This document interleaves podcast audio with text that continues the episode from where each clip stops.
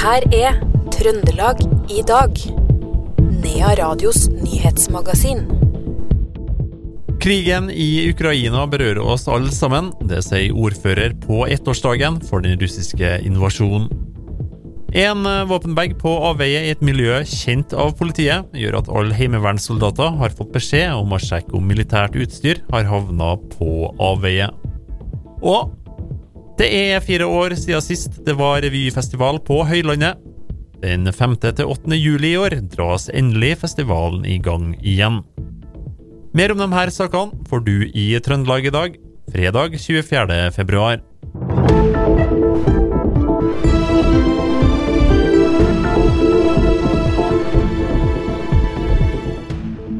Først skal vi til Røros.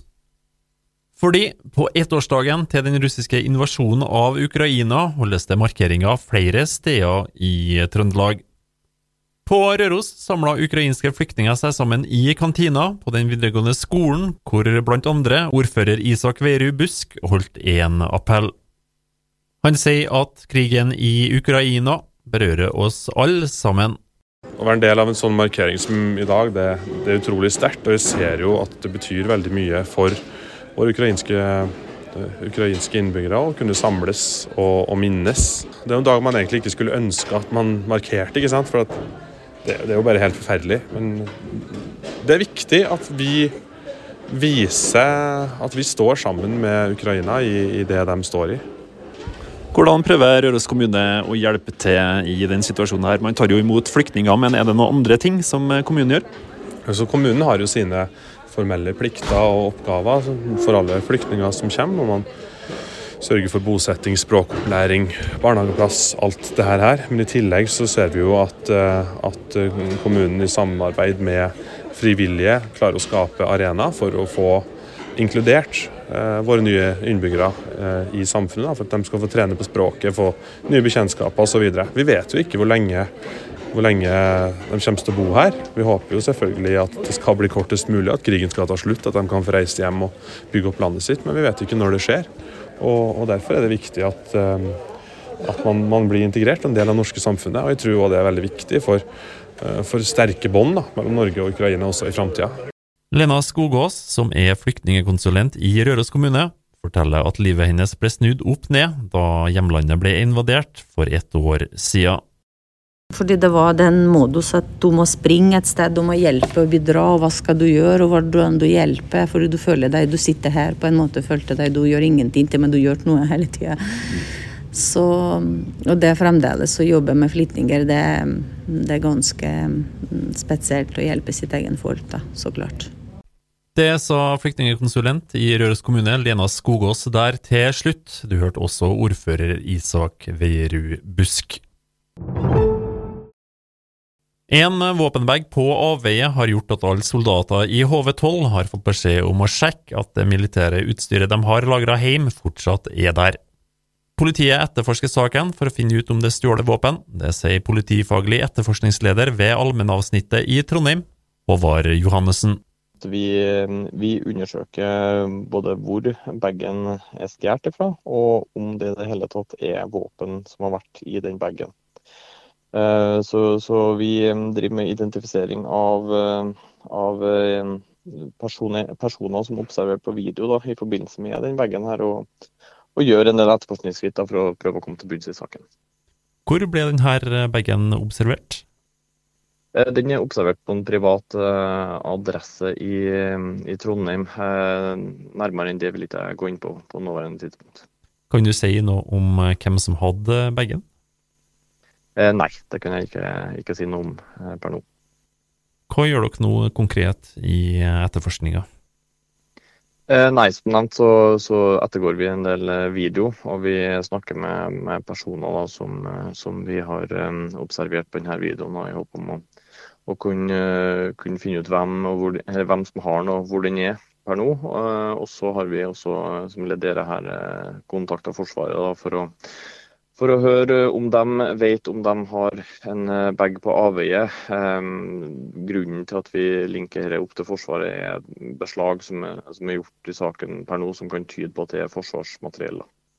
Kan du si noe om hvilken type miljø eventuelt de her porsjonene tilhører? Eh, nei, jeg kan ikke gå noe mer inn på det, annet enn at et miljø vi, vi kjenner til fra før. da. Det sa politifaglig etterforskningsleder ved allmennavsnittet i Trondheim, Håvard Johannessen. 13 aktivister fortsetter å okkupere resepsjonen i Olje- og energidepartementet i Oslo. Det har de gjort i over et døgn, skriver Fosna-folket. Aktivistene protesterer mot at to vindparker på Fosen fortsatt drives. I går var det 500 dager siden Høyesterett avgjorde at møllene var satt opp i strid med samenes rett til å utøve sin kultur, dvs. Si å drive med rein. De som protesterer inn i bygget, er fra Norske Samers Riksforbund, men også noen fra Natur og Ungdom. Opp mot 170 km av veiene i Trondheim kan bli gjort om fra asfalt til grusveier. Årsaken er pengemangel, skriver Adressa. Bystyret i Trondheim er bekymra over at etterslepet på vedlikeholdet stadig øker. Byutviklingsdirektør Bente Neverdal i Trondheim kommune sier det er mer lønnsomt å ikke asfaltere. Det er i hovedsak Boliggata som kan få grusdekke. Politiet etterforsker et mulig innbrudd etter de har gjennomført en åstedsundersøkelse inn på et lager på Marienborg i Trondheim. Operasjonsleder ved Trøndelag politidistrikt, Bjørnar Gåsvik, sier til Adressa at innbruddet kan ha skjedd for flere dager siden. De har ikke informasjon om den eller dem som kunne ha tatt seg inn i lagerbygget. En del verktøy er bort, sier han. Politiet venter nå på ei liste fra selskapet som benytter lagerbygget, for å få en oversikt over hvor mye og hva som er bort. Så skal vi over til politiloggen. Fylkesvei 768 ved Ekornbukta i Nærøysund var sperra i noen timer tidligere i dag av et vogntog som hadde saksa. Det meldte Statens vegvesen. Veien skal nå være åpen igjen. En mann i 20-årene er sendt til sykehus etter å ha kjørt av veien i Åfjord, melder politiet.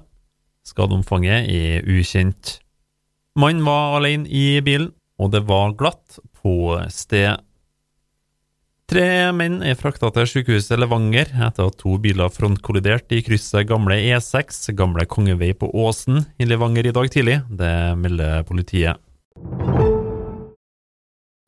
Så skal vi over til andre nyheter. Halvparten av hyttene i Gauldalen selges nå under prisantydning, det skriver Trønderbladet. Høyere renter, høyere strømpriser og dyrt drivstoff har gjort at turen fra f.eks. Trondheim til Røros koster mer enn den smaker. Det har gjort at mange de siste månedene har ønska å selge hyttene sine, men det er enklere sagt enn gjort, skriver avisa. Avdelingsleder Kim Roger Laugsand i Heimdal eiendomsmelding, avdeling Melhus, sier at de har solgt 21 fritidsboliger det siste halvåret, men kun fem hytter de siste tre månedene. Så skal vi over til kultur. Det er fire år siden sist det var revyfestival på Høylandet.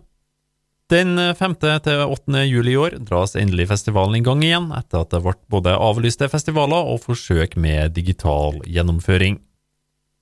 Daglig leder i Norsk revyfaglig senter på Høylandet, Dagrun Gunnarsson, forteller at nå er det full aktivitet for å forberede festivalen i sommer.